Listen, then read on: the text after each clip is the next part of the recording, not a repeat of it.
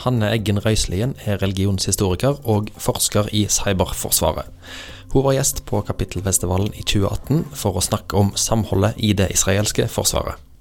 Jeg heter Hanne Røiselien. Jeg eh, jobber som spesialrådgiver til generalmajor Kampenes i Cyberforsvaret. Og så er jeg forsker i Forsvaret, så jeg er vel egentlig militærforsker blitt. Jeg ser det er en sånn tidligere medstudent bak her. Vi er religionshistorikere. Det er en veldig sjelden karriereutvikling for religionshistorikere. Jeg, at jeg tror jeg er den første religionshistorikeren som får generaler til å, under, til å godkjenne reiseregningene mine hit. Men uh, uh, jeg, har, uh, jeg er egentlig militær- og soldatforsker. Um, så har jeg drevet mye med det israelske forsvaret i en ti års tid. De er jo utrolig spennende å forske på, må jeg bare si. Men akkurat nå så sitter jeg altså godt plantet i det norske forsvaret. og Overgangen er brutal. Men eh, det er ikke egentlig det norske forsvaret som sådan jeg skal snakke om nå. Det er det israelske. Eh, og det er seg selv også ganske gøy å gjøre det her. Fordi dette vet dere jo, men det å snakke om Israel rundt omkring i Norge, det gjør jeg ganske mye.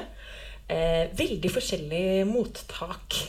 Litt avhengig av hvor i landet vi er, og hva slags typer kontekster det er. Det syns jeg er utrolig interessant.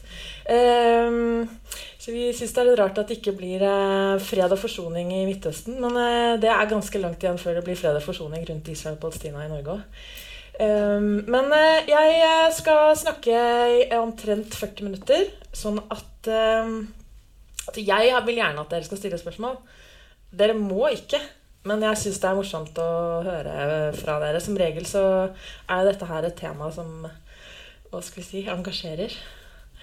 Um, men i hvert fall, hvis vi nå skal snakke litt om samhold um, Jeg syns det er spennende å se på det israelske forsvaret. Forsvar som sådan, og i og for seg også konflikter, uh, se på dem ikke for, i forbindelse med skyldspørsmålet. Så legge, jeg synes man skal legge bort skyldspørsmålet og, helt, og se på eh, helt, Ta dem på en måte på eh, sine egne premisser. Jeg har forsøkt eh, i mitt eh, yrke og mitt virke å ikke spørre hva er det det israelske forsvaret gjør galt. Eller eh, hvorfor, i hvor stor grad har det israelske forsvaret skyld i den israelsk-palestinske konflikten. Jeg har vært mye mer interessert i hvorfor vedvarer den Hva er det i det israelske samfunnet, og ikke minst i det israelske forsvaret, som gjør, eh, som gjør, at de som er i en konflikt, kan fortsette å stå i den. Mennesker er utrolig interessante eh, å forske på i en konfliktsituasjon. Eh, og ganske vanskelig å forstå utenfra. Og det er jo noe med at eh, vi er så tilpasningsdyktige. Er, er, det mye sånn tullball på linja? Eller går det bra? Ja, okay. um, fordi at vi strekker vår egen forståelse av hva som er normalt. Den utvikler seg veldig. Sånn at hva som er normalt Jeg er født og oppvokst på Lillehammer. Hva som er normalt for meg, er jo selvfølgelig ikke normalt for en som går, I, som i, kommer fra Somalia. Og så glemmer vi litt det, for vi bruker jo vår egen kropp og vår egen historie og våre egne erfaringer til å vurdere verden rundt oss. Um, og det skal vi jo gjøre, det er ikke noe rart i det. Men um, det gjør også noen ganger at vi mister eller går glipp av noen verdifulle um, En ganske verdifull forståelse. Så før jeg går inn i dette her, så er det tre begreper som jeg uh, skal ikke si jobber med, men som er litt viktig å ha i bakhodet. Som vi må skille på. Særlig i en konfliktsituasjon, når vi skal se på konflikter men også i egentlig hvordan vi skal forstå verden rundt oss. Det er, det er forskjellen på å forstå, å forklare og legitimere. De sauses veldig sammen. Eh, og det er ikke så rart i og for seg, men, men eh, det å forstå hvorfor en konflikt har oppstått, eller hvorfor en hendelse skjer Hvorfor det er, eh, for å være enda mer konkret, hvorfor er det sammenstøt på en kontrollpost? Utenfor Hebron. Ikke sant? Hvorfor det skjer, må vi prøve å forstå. Vi kan også prøve å forklare det. Det er årsakssammenhenger og menneskelig syke og masse ting. Men det er ikke det samme som å legitimere det. Altså godkjenne det. Altså å gi det juridisk tommel opp. ikke sant? Men eh, i, særlig i den israelsk-palestinske konflikten så blander vi de så mye sammen at vi ikke klarer å forstå uten å si først på hva som er juridisk rett og galt.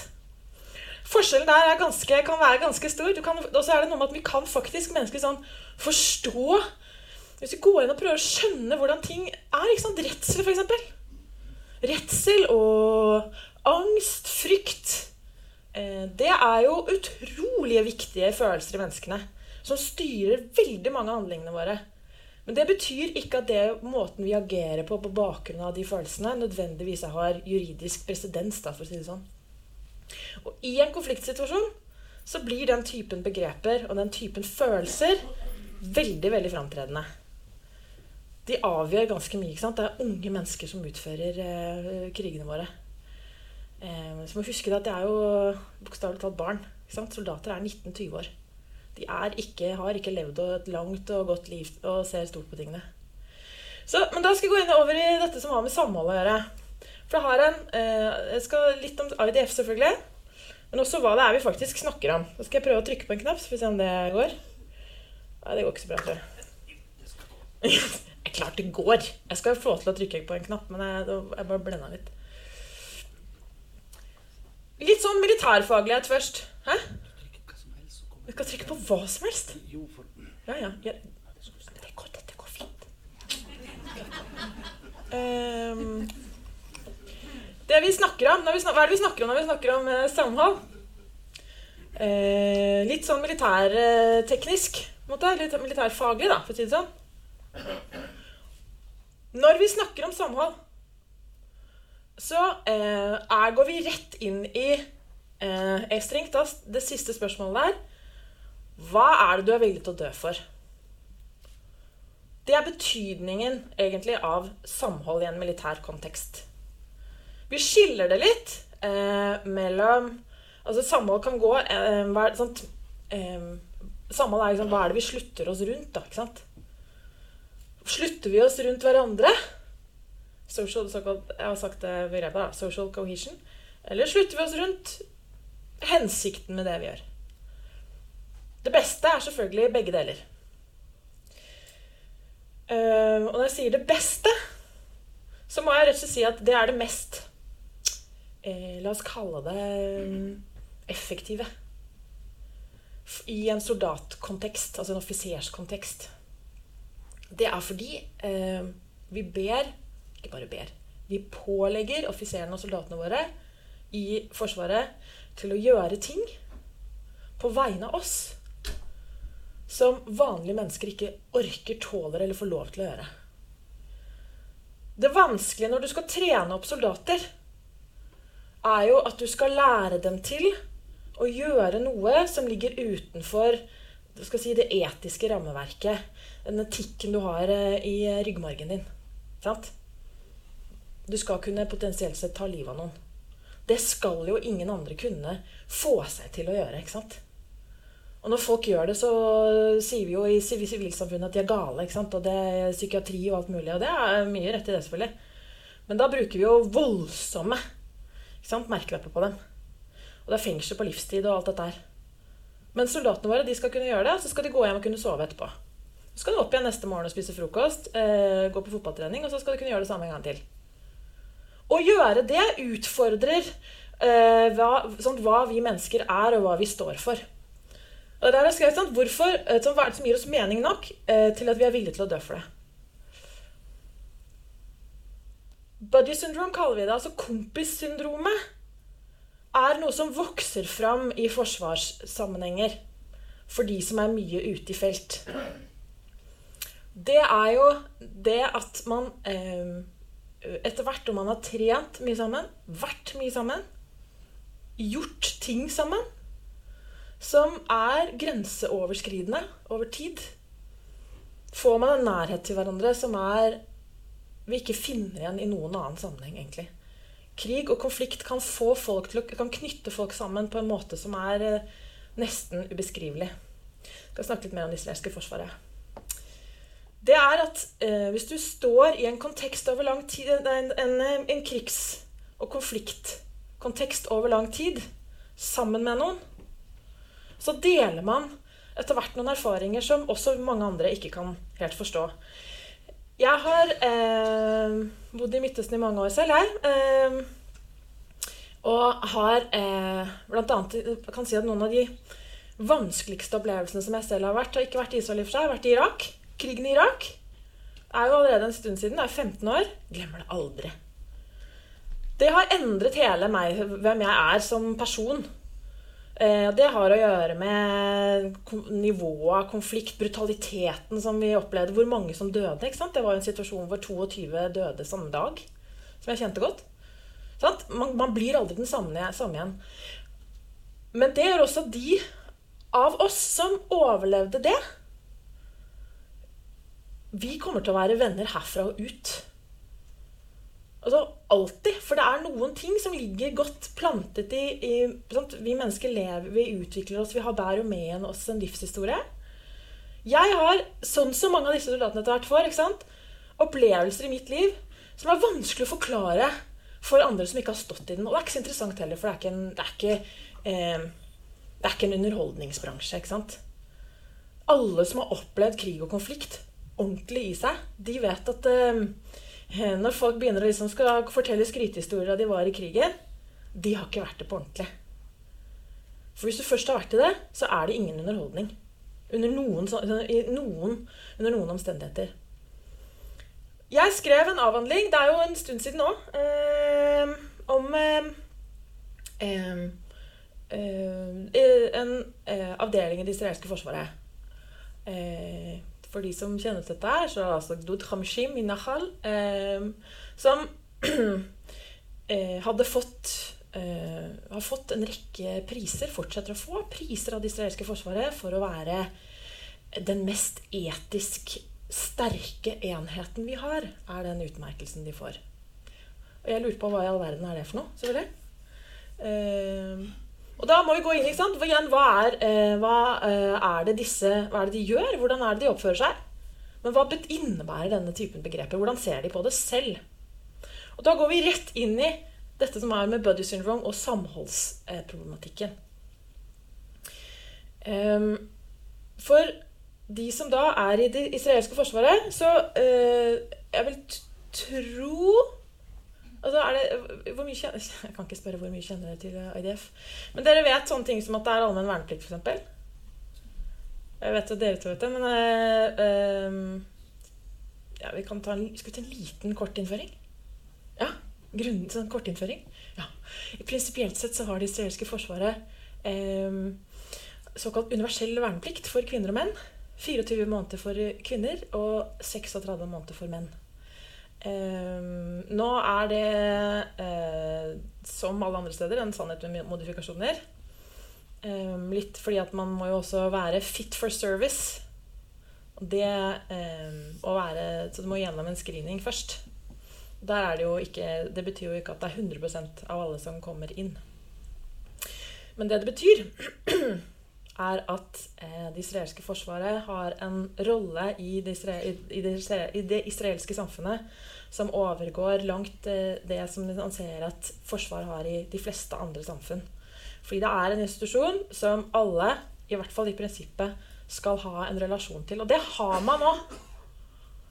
Om man har vært der eller ei, så selv så eh, tror jeg skal godt gjøres å finne familier som ikke er berørt eller har vært involvert i det israelske forsvaret på en eller annen måte i løpet av livet sitt. Eh, det er veldig annerledes fra meg. Jeg kom jo inn i Forsvaret da jeg var 38. Eh, og det var ikke Jeg tror eh, det fikk storebroren min til å tenke om han kanskje hadde et gevær fra sin militærtjeneste som han var i én uke en gang 20 år før. Og det er jo utrolig sånn distansert forhold til det. sant? Men eh, sånn er det jo ikke i Israel. Er det mange av dere som har vært der? Vi tar en liten håndsopprekning. Det er gøy. Ja, ok. ja. Nettopp. Så da vet jo mange her at eh, eh, det er eh, Det å se soldater i gatene er veldig vanlig, ikke sant? Eh, nå skal vi ha denne store øvelsen i Norge, Trident Juncture. Skal få soldater fra offiserer fra hele verden, eller Vesten, på besøk. Og da må det jo varsles, for folk blir så redde når de ser en soldat i uniform. Det blir ikke israelere. Eh, men vi skal komme til litt tilbake til hva dette samholdsbegrepet er i det israelske forsvaret, og hvordan det eh, eh, vokser frem. Eh, Jeg skal ikke vise mye slides også, jeg, men eh, dere kan ha noe å henge øynene på, tenkte jeg da. Ja, ja, ser du. Trykka jeg, på noe. Det ble feil. Det var den veien. Jeg syns at det sitatet der Kan godt si at det er gammelt, men det, henger, det gjelder i aller høyeste grad. Jeg har trukket fram eh, Får kanskje si med en gang eh, jeg, har trukket, jeg har trukket fram noen ting som dere skal se, som er sitater fra, som er med i den såkalte etiske treningen da, til, eh, til IDF nå. Eh, det der er et av de eh, sitatene som de kan bli, kan bli konfrontert med. Betyr ikke at alle 19-åringer tar det inn at de, hvis man spør dem liksom, hva er det Ben Gurian sa, så at de vil huske det. Men at de eh, i stor grad uttrykker et resultat av den, den føringen der, det er det ingen tvil om. Vi har et forsvar i Norge som skal forsvare selvfølgelig landet vårt. Eh, det er jo hovedoppgaven til de aller fleste hærer. Det er ikke nødvendigvis hovedoppgaven til det israelske forsvaret. Um, de er i mye større grad en samfunnsaktør enn det norske forsvaret er og har lov til å være. I Europa så styrer vi jo veldig unna at Forsvaret skal få lov til å få eh, egentlig delta på, i sivilsamfunnet. Vi skal ikke være si vi da, siden jeg jobber i Forsvaret selv. Um, skal liksom ikke være en aktør i store debatter. Og vi skal ikke mene for mye. Vi skal være utførere litt i skyggene av en politikk, av politiske føringer som gis. IDF har et helt annet, en helt annen rolle. Helt annen rolle. Det var nesten vanskelig å forstå noen ganger, for det, det, vekker De gangene liksom vi går ordentlig inn i det, så pleier det å blir ganske store eh, sterke debatter rundt det. For det berører noen sånne moralske Gjør litt vondt for mange. At man får et forsvar som skal bygge opp et sivilsamfunn. At IDF har gjort det, er eh, har bygget opp Israel på mange måter, det er ikke så rart. Det har å gjøre med Israels historie. Eh, den er jo, eh, som de fleste vet eh, Israel ble opprettet rett etter andre verdenskrig. Og har en, hatt en vo voldsom populasjonsvekst. En voldsom.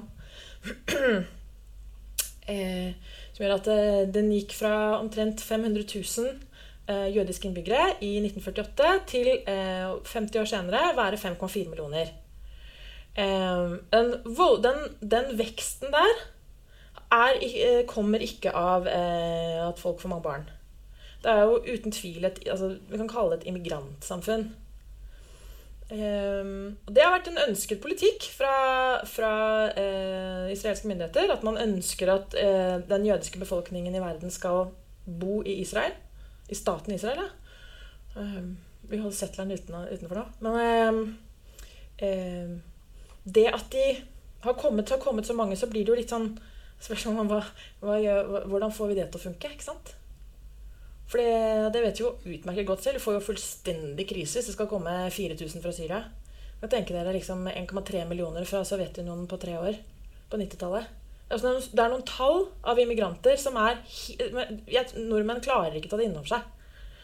Eh, og man er redd for, ikke sant? Da begynner vi å snakke om sånne ting som man blir redd for at vi skal miste identiteten vår, og Norge ikke lenger skal være norsk, og alle disse greiene her. sant? Vi må, også det at vi sier at vi må kunne ta vare på dem. og Eh, så ble det akkurat gjort en studie Jeg hørte på nyheten i går. At eh, innvandrere i Norge som har lært seg norsk, klarer seg bedre og er mer velfungerende enn de som ikke gjør det. Åpenbart. Ikke sant? Sier seg selv, egentlig. Og at når du føler deg integrert, så har du bedre også mestringsfølelse og bedre ja, større lykke, da. Men hvordan får Israel det til? Det klarer ikke sant? Kan tenke hvis UDI skulle gjort det i Norge. IMDi. Altså, det, det, må mye mektigere og større institusjoner til. Den rollen fikk det israelske forsvaret. Ikke 1948, men rett etterpå. Det er de som skal ta, altså, ta, altså gjøre israelere til israelere. Utrolig spennende historiske dokumenter å lese ifra.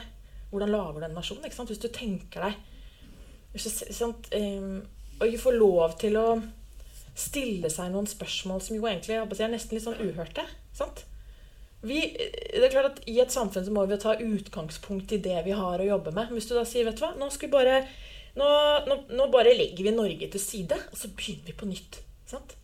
Det er utrolig interessant da, hvis du tar det som et tankeeksperiment. Hvordan skal du gjøre det? sant? Men da kommer man samtidig til noen sånne Vi må ha noen finansinstitusjoner som funker, og så må vi snakke Det er jo innmari greit hvis folk kan kommunisere, sant? Så da må vi kunne snakke mer eller mindre det samme språket.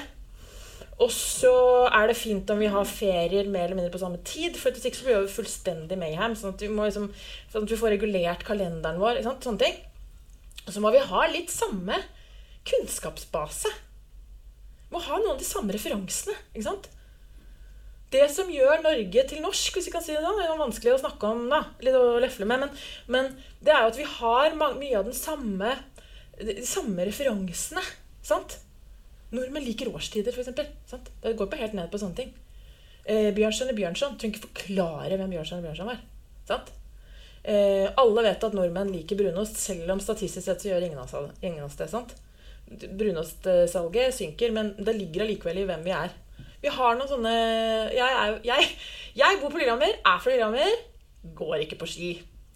Eh, jeg er gammel nok til å bestemme at jeg ikke liker å gå på ski. Men nordmenn, nordmenn, eh, nordmenn går på ski. sant? Og jeg har ikke noe problem med det, bare jeg slipper selv. da. Men eh, det, er at, det, er noen ting som vi gjør som nordmenn. da, sant?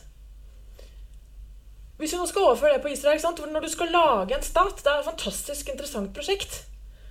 Så må du ha mange av de samme tingene. Vi må ha en kulturell, eh, en kulturell eh, Et kulturelt fellesskap, da. Sant? Det er Forsvaret som fikk den oppgaven. Egentlig et sånn genialt trekk. Fordi at eh, da betyr det at på den ene siden så får du, ikke sant, så skal disse her bli samla da, ikke sant? Folkehæren. Det er så deilig bilde. eh, så skal ikke sant, De skal ha eh, eh skal, ved, ved, å dytte dem på en måte gjennom IDF, da, så får de en eh, felles erfaring. Fortsatt er det liksom sånn at de som har vært i Forsvaret, og norske menn òg, sånn, de har jo vært i Forsvaret en gang. Og det er noe som, I Norge så hvor lenge er de inne? Ni måneder eller noe?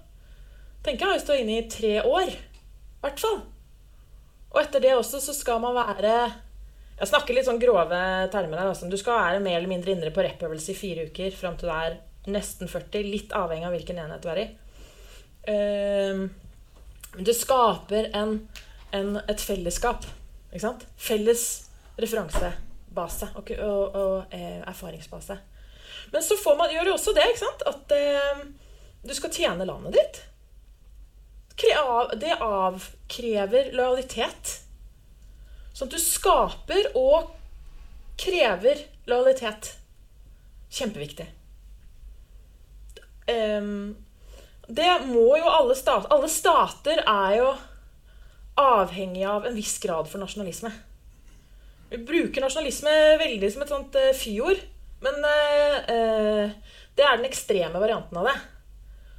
Men alle borgere i en stat må være lojale til statens grunnprinsipper. Så ikke så blir du jo sperra inne. ikke sant? Det går på lover og regler og oppføre seg godt i gaten og litt sånne ting. Um, men um, du må ha en sånn følelse av at du er norsk. på en måte. Eller dansk, eller hva det nå er for noe. Først, det, er ingen, det er ingen institusjoner som kan være så sterke i å klare å frembringe den følelsen. Eh, fordi at de oppgavene som de har, også er så sterke. Og da påla de eh, IDF til å være den institusjonen som skal, som skal, generere det store, kollektive fellesskapet. Og det går helt ned på, eh, på, på, på å lære seg språk uh, grunnutdanning for de som uh, immigranter som ikke har uh, det. Altså ba sånn barne- og ungdomsskole. Sånne ting. hvem som skal ta imot på sånne community centers og uh, tatt, altså Et veldig bred vifte av, av opp oppdrag. da Oppgaver som det israelske for forsvaret får, som går langt utenfor det vi tradisjonelt ser på som forsvarsoppgaver. Det at IDF er en folkehær kaller seg selv det. Altså. Det er ikke et uh, sånn forskningsbegrep. Vi er en folkehær, sier de. ikke sant? Uh, ønsker å se på seg selv som sånn sivil. Uh, sånn kvasisivil institusjon. De snakker om at israelere skal være soldater kledd i sivil. Voldsomt utsagn, ikke sant? Hvis man faktisk begynner å ta det innover seg. Jeg har brukt ganske mye tid på den øh, Brukt ganske mye tid på militærbaser rundt omkring. Og i Israel så har de annet en på øh, De er ganske gøyale, for militærbaser ligger innimellom på steder som ikke finnes på kart. Uh, men eh, de har annet en såkalt sånn mental treningsavdeling. Uh, og høre hva de Hvilke mål setter, setter dere dere for treningen med deres offiserer? Ikke sant? Det er jo grandiose oppgaver, men det er også ikke sant, at de, de kan si ting som um, um, uh, vi ikke kan si i Norge. Ikke sant? Um, vi kan si i Norge at det, det norske forsvaret det skal reflektere uh, den demografiske sammensetningen av uh, det, norske, det norske samfunnet. Eh, sånn at det, eh, det betyr at vi må ha så og så mange kvinner. Vi må ha så og så mange kristne og muslimer. Og vi må, sant, vi må ha, det er ganske vanskelige utvelgelseskriterier etter hvert. For liksom Forsvaret skal på en måte være et speil. Det sier ikke AIDF i det hele tatt. Det sier de ikke i det hele tatt. De sier eh, da vi tar det, de som passer til å kunne utføre militære oppgaver, og også i grunnen de som ikke passer, og så skal vi gjøre dem til israelere. De har et grunnleggende sosialiseringsprosjekt på gang. Det eh, genererer jo også og skaper eh, en grunntone i det israelske samfunnet. Litt svekket i det siste, det må sies, men de skaper en grunntone. Har skapt en som Israel langt på vei har levd med i mange, mange år. Og jeg er også med på å forsterke et Jeg må rett slett bruke det ordet samhold israelere imellom. Fordi man får den felles plattformen. Um, er det noen spørsmål underveis, forresten? Sånn, det, sånn, det, hender jo at jeg bobler. Har hendt. Ja? Spørsmålet det med, med arabere og, og, du snakker om islam. Kan, kan de gå i militæret i Israel? Nei. Eller jo, de kan, men de gjør ikke det. De er fritatt. Gå på, fri, det går på fritakene arabiske statsborgere. Eh, og det, har, det, er et vedtak som kom eh, Er et de facto-prinsipp, da. Såkalt, eh, som kom i 52, var det vel? Ja, Mulig jeg tar feil på et år eller to. Eh, gitt eh, den konflikten som Israel står i. men druserne er ikke Da snakker jeg om palestinerne, ikke om druserne. Ja. De ultraortodokse, hvordan passer de inn i det mønsteret ditt? Tidligere var de iallfall fritatt fra militærtjeneste. Ja, det jo, det kjenner sikkert mange til her. Det er jo en kjempekonflikt. De skal, har vært fritatt. Det er jo ah, Dette er, det er veldig interessant. Fordi Jeg skal svare ordentlig på det, for det er, det er, det er relevant. Fordi du må skape, Når du skal skape et fellesskap, da, så må du også ha folk som du kan, det er no, Noe av Forsvarets problem er at du kan ikke ta inn folk som ikke har lyst til å være der. Sant? Eh, og da får vi alle disse historiene om folk som liksom faker det på, på opptaksprøver og sånt, sant? for at de har ikke lyst til å være der. Det er en balansegang, eh, selvfølgelig.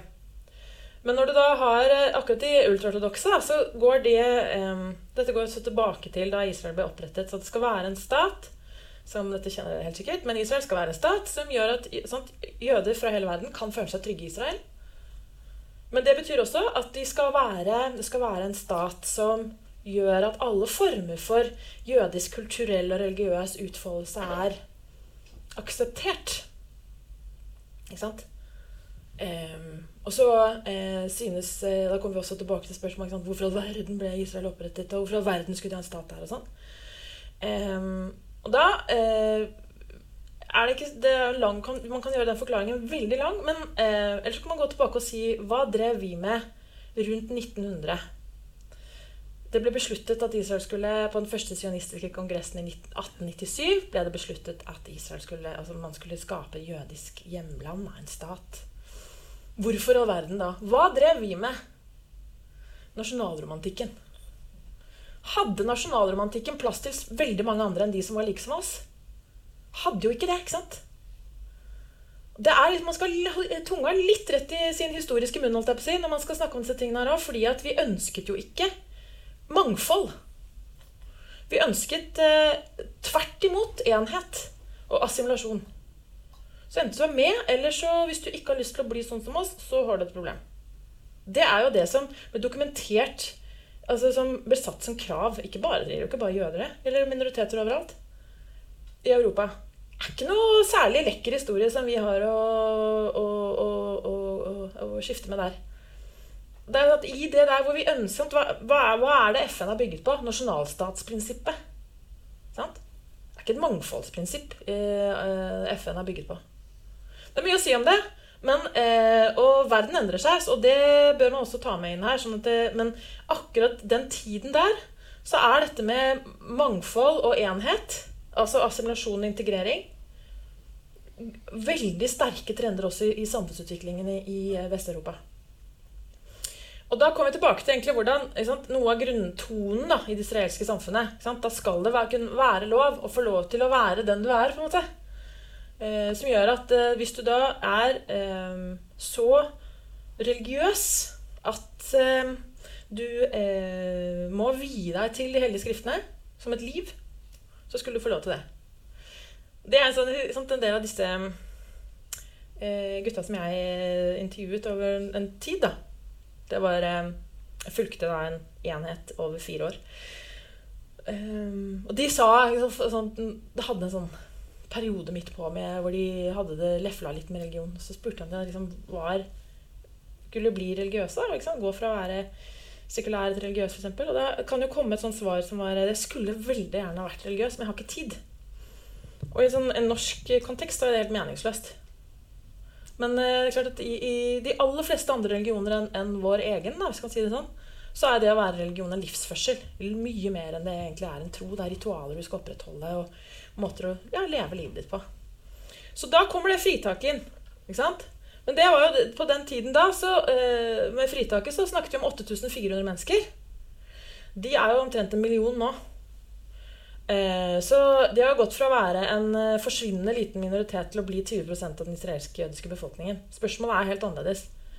Sånn at IDF har ønsket å ta dem inn fordi at de er i ferd de får et problem med å opprettholde hva skal vi kalle det, La oss kalle det kvaliteten. da. Opprettholde det de oppga, gjøre oppgavene sine. Og det, et, det, har vært snakk om man skal profesjonalisere det israelske forsvaret. Eller det skal være en folkehær.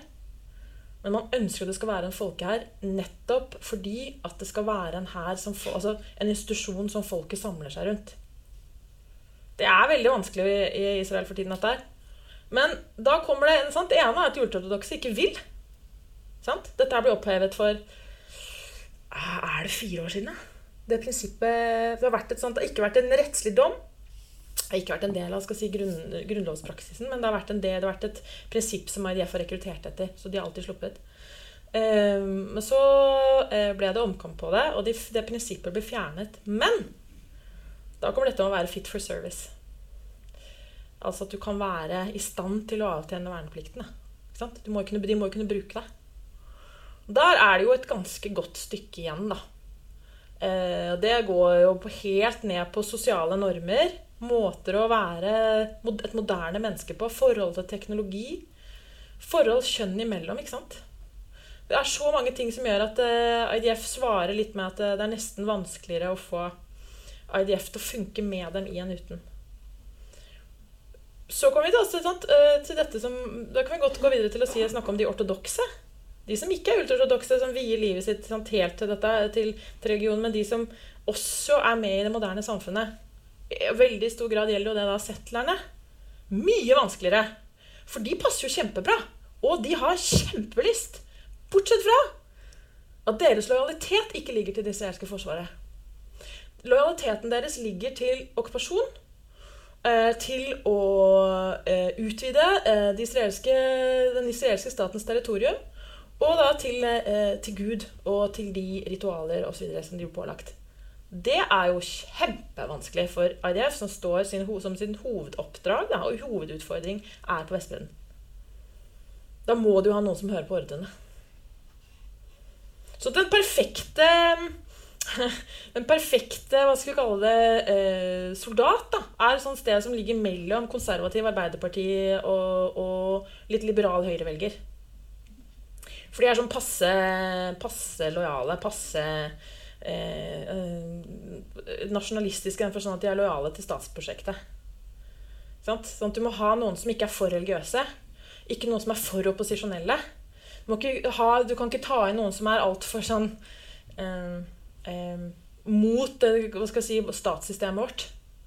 Så må ha noe som passer sånn eh, sentrumaktig. Skal gå litt i Kommer vi inn på noen av disse tingene. Jeg gir dere disse med en gang, ja, så dere kan se hva det er. For dette er IDF sin, eh, sitt eh, oppdrag. Eh, Den er ikke noe, det er ikke noe hokus pokus, det. De skal forsvare et land og de som bor der. Så er jo det ikke så lett i den israelske konteksten, akkurat det der. Sant? Og det går jo tilbake igjen til eh, særlig selvfølgelig Vestbredden og Øst-Jerusalem.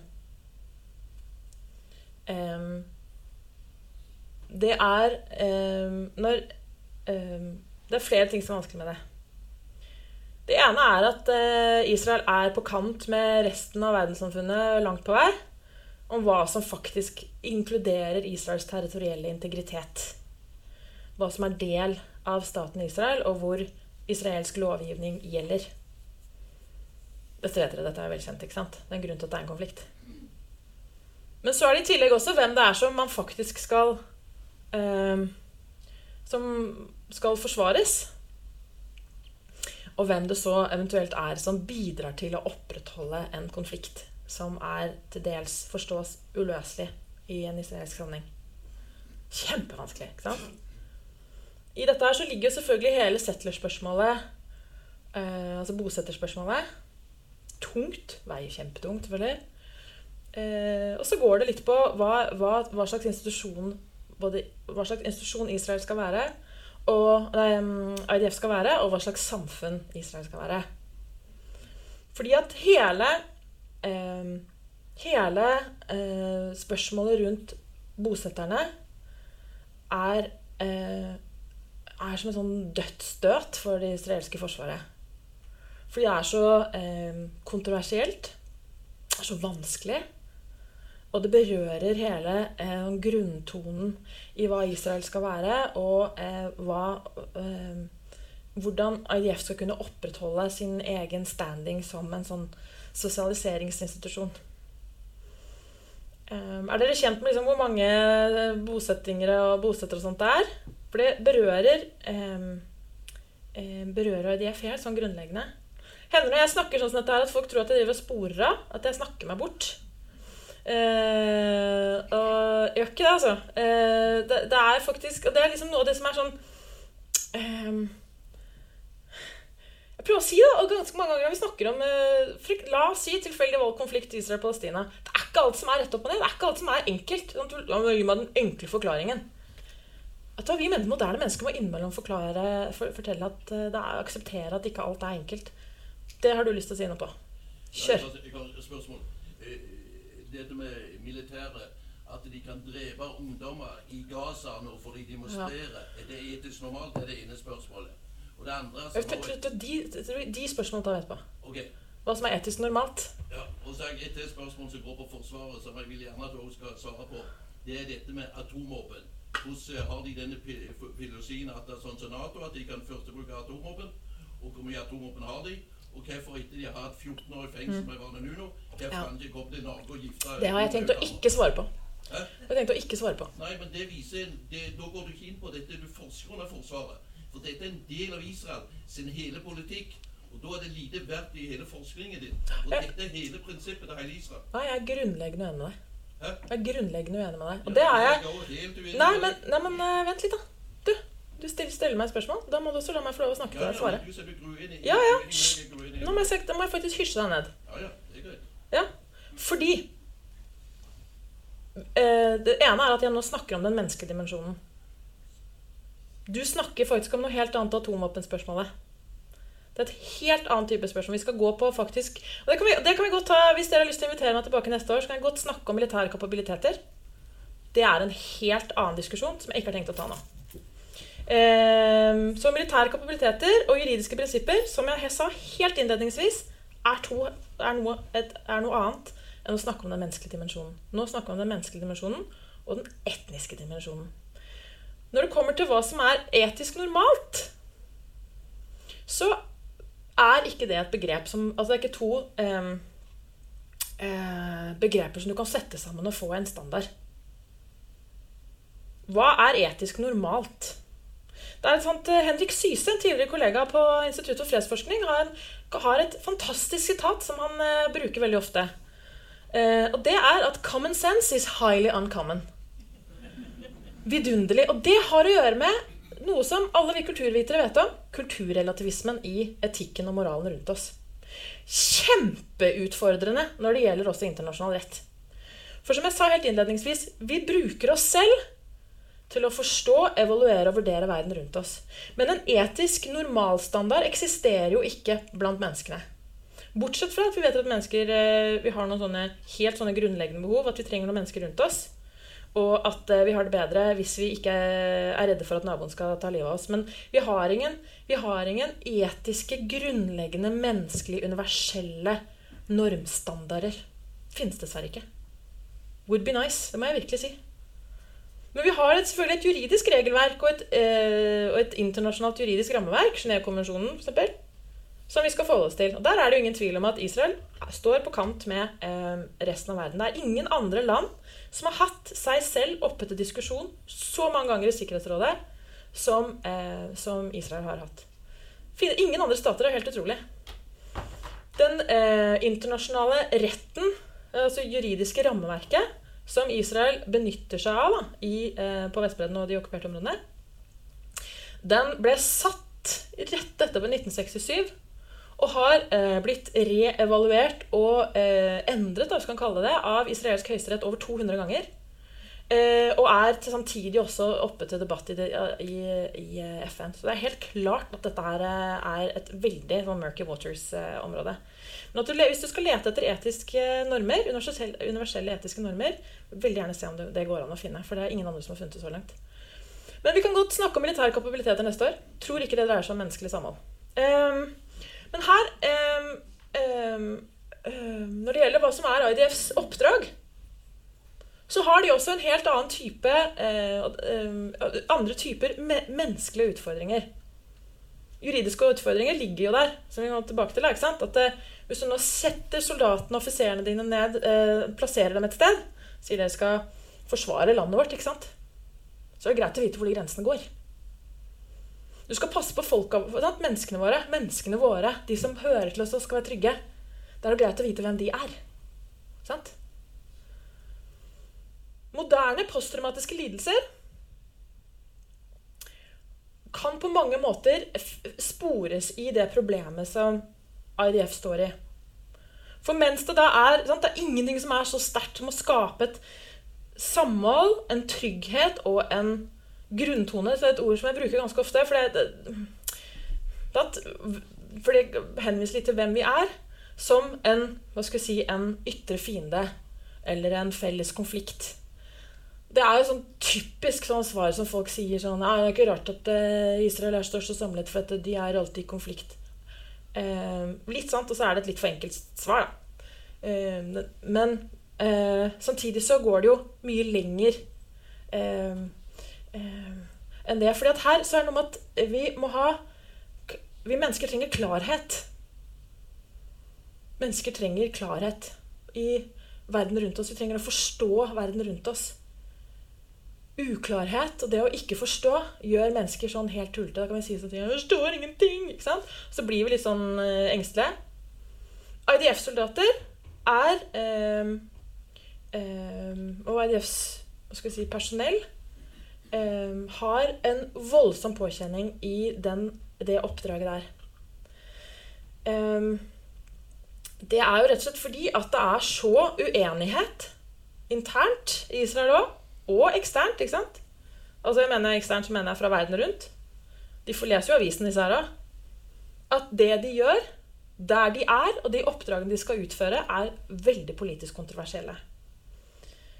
Så jeg skal si at moderne posttraumatiske lidelser er knyttet til den typen eh, problemstillinger rundt altså uklarhet rundt oppdragene. Enda mer spesifikk. Hvis du er i um, altså moral, eh, Moderne posttraumatiske lidelser har i veldig stor grad en etisk og en moralsk kappe over seg. Moderne soldater og offiserer, ikke minst det israelske forsvaret, men i verden over, så skal jeg si vestverden, da, aldri vært så godt trent som nå. De er kjempegodt trent. Og det er veldig interessant å jobbe i Forsvaret også og se hvordan vi kan ta egentlig hvem som helst. Og så vet vi hva vi skal gjøre for å få dem til å bli superflinke eh, infanterister. Vet, ikke sant?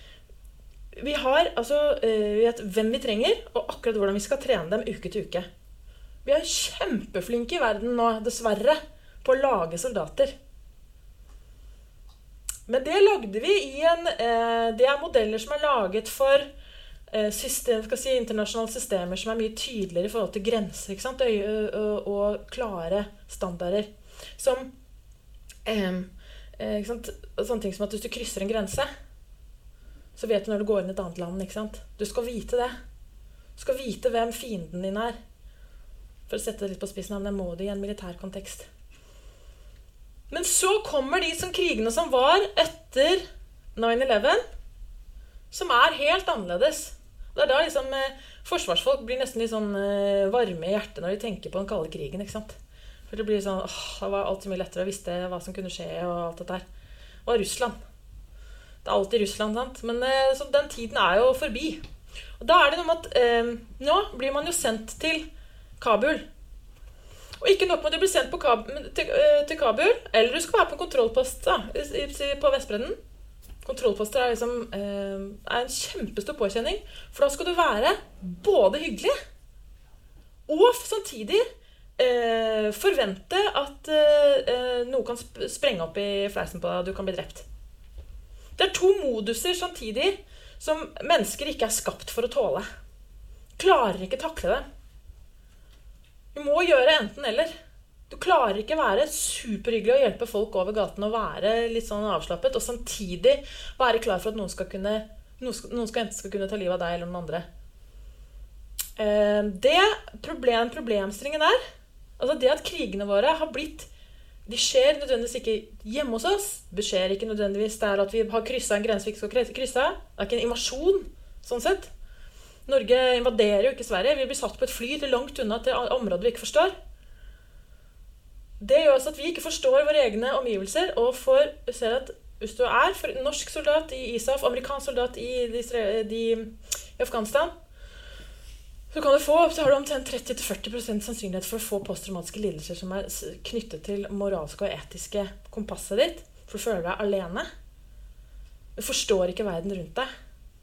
Klarer ikke forstå hvem du skal stole på og ikke stole på. Og oppdragene våre, som vi gir til, til offiserene våre, tas opp til politisk diskusjon. Sant? Vi sender jo folk til Afghanistan, og så etterpå så sier vi ja, skulle, det var leit, ass. Det var angrer. Sant? Det gjør ikke Israel. Deres måte å Altså israelske myndigheter. Deres måte å sørge for at de har relativt sett veldig lave utslag på posttraumatiske lidelser, er at du hører aldri Netanyahu eksempel, si at jeg skulle aldri sendt styrkene mine inn i Gaza. Altså er skikkelig dårlig idé at de er på Vestbredden. Hører dem ikke si det. De mener det ofte. De kan godt ha voldsomt å høre hva som skjer på bakrommet i, i, hos israelske militære eh, myndigheter. Er ganske eh, Det er ikke det at det er en unison enighet til alle israelske militære operasjoner.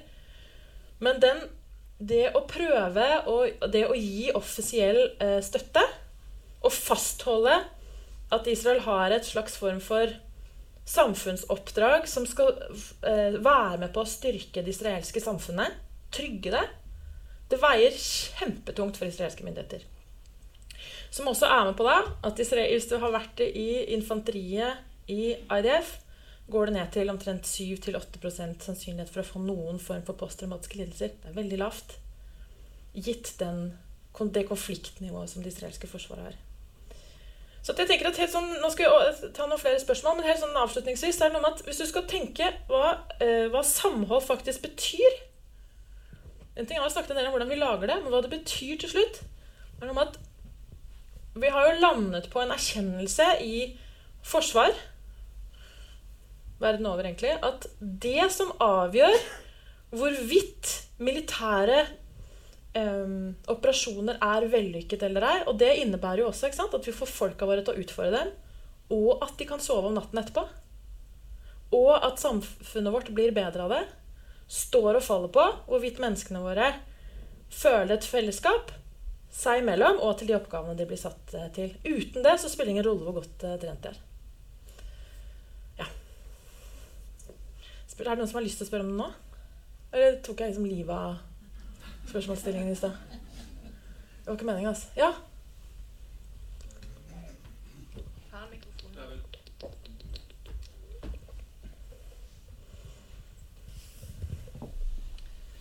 Jeg tenker på det her med Det er vel en tendens at det er litt mer At det slår litt sprekker, dette samholdet. Mm.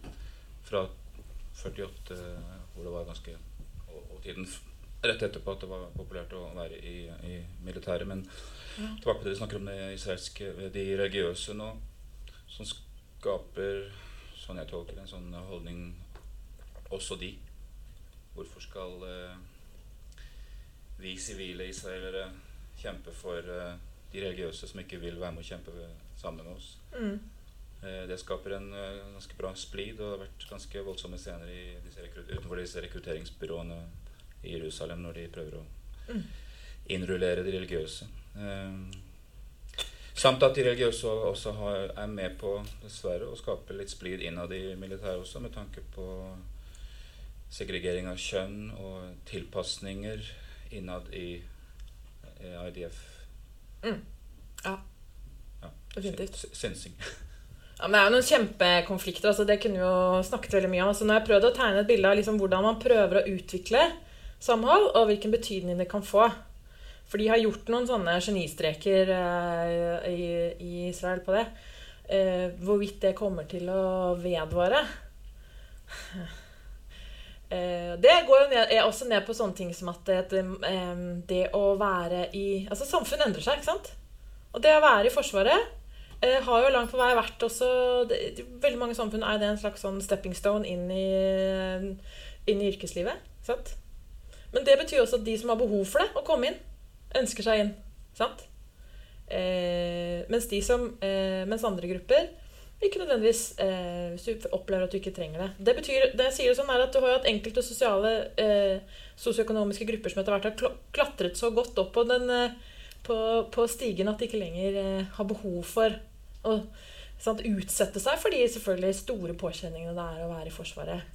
Eh, det er jo ikke alle som vil det. Det er jo en risk da, knyttet til det. Det er jo ikke bare en sånn eh, karrierestige. Det er kjempeproblemet. Herregud, Israel har jo Ja, hva skal vi si? De, har, de rives jo opp klokken halv tre. Ja, jeg vet ikke om jeg oppfattet det riktig, men du påstod eller sa at det ikke var en felles etisk norm universelt lenger. Jeg vet ikke om du sa det, men jeg oppfattet et eller annet i nærheten av det. Og i disse Trump-tider så kan vi jo tenke sånn Du mente kanskje ikke det, men, men eh, jeg tenker at um, um, alle de store religionene i verden, inkludert uh, jødedom, kristendom, islam og de østlige religionene, har jo en felles syn på at du i utgangspunktet skal ikke slå i hjel. At det blir eh, konflikt med det i krigssituasjonen, det er en annen sak. Men kan du bare kommentere det litt mer, hva du mente med det som jeg kanskje misoppfatta? Skjønte du spørsmålet? Ja, men uh, jeg tenker Ok. Um, ja, altså, i, i, Du jo, mener at det ikke er lenger felles uh, etiske normer i verden? No, du antyder noe? De er så generelle, da, de etiske, de etiske normene, at de, du kan ikke applisere dem i en, en, konf, en, konfliktsituasjon for hvordan soldater skal oppføre seg. Utover, de må følge noen lover og regler og sånne ting. Men du klarer jo ikke å si at uh, sitte i Oslo med caffè latten din og bedømme om reaksjonsmønstrene til israelske soldater på eh, en så vidt du mener at de følger en universell etisk norm. Sant? Nei, men at det fins en etisk norm som i utgangspunktet i Ja, men den er, du skal gå ganske gøy Du skal ganske generelt opp i, i på, på at du skal ikke drepe og ikke sant? Det er jo veldig generelle prinsipper. Jo, men normalt så dreper vi ikke. Men selvfølgelig ikke, men jeg sier jo Men- ingenting annet. Dette er bare å gå i ring og i ring og ring. Selvfølgelig gjør vi ikke det. Men i en konfliktsituasjon, når du står på en kontrollpost, og mennesker er kjempe, kjemperedde, så kan du godt si så mye du vil. Det er ikke dette skjer masse drap på en kontrollpost. Tenker jeg bare snakke om det. Snakker vi ikke bare om Israel, men like måtte snakke om i Kabul. Så kan vi si, og det vet også soldater, og dette er noe av utfordringen i soldattrening. Du skal ikke slå i hjel. Samtidig som vi skal sette deg i situasjoner som gjør at voksne menn tisser på seg, ikke sant? Ikke sover på nettene, er dypt traumatiserte i, i og resten av livet sitt. Prøv å si at redsel og angst er også med å forklare på handlingsmønstre i en eh, konkret kontekst. Det betyr ikke at det, det de gjør og ikke gjør, skal vi, kan vi si er rett eller galt, men det er det jeg prøvde å si innledningsvis. Med å forstå, forklare og legitimere. Redsel legitimerer ikke brudd på Genévekonvensjonen, men det kan være med på å forstå hvorfor noen ting skjedde. Jeg klart, Vi skal ikke slå i hjel. Hvis jeg hadde sagt noe annet, så hadde det vært helt forferdelig. Jeg hadde et spørsmål. Ser du eh, noen sånn endringer hvis du prøver å se fremover i tid? Når det gjelder f.eks. rekruttering, når det gjelder opposisjon imot denne bøddesyndromet? Eller vil eh, situasjonen fortsette slik den er nå? Jeg syns du skulle få Daniel til å forklare det. Hva syns du? Men øh, selvfølgelig kjempe. Israel sli- eh, sliter kjempemye med rekruttering nå. Det er veldig stor endring de siste ja, De sier vel selv de siste seks årene. Kjempestor forskjell. Eh, det eh, har vært et ganske stort brudd i Israels rekrutteringspotensial etter Gaza-krigen i 2008-2009. Fordi at eh, også eh, altså det israelske samfunnet i ettertid da, har i større grad stilt spørsmål ved hvorvidt en del av Israels eh, militæroperasjoner er ene, hvorvidt de er nødvendige. Eh, det andre er hvorvidt man selv skal eh, gjøre det. Da kommer vi tilbake til det som Daniel også snakket litt om. At eh, det, hvem er det som skal eh, utsette seg selv for å betale prisen da, for militære operasjoner? Det er klart sånn, Når du da fritar f.eks. ultraortodokse, ortodokse til en viss grad ikke skal rekrutteres inn pga. realitetsproblemer, så blir det veldig store, store oppgaver og, som faller på den sekulære delen av Israels befolkning. Så det er kjempeendring. Jeg er ferdig.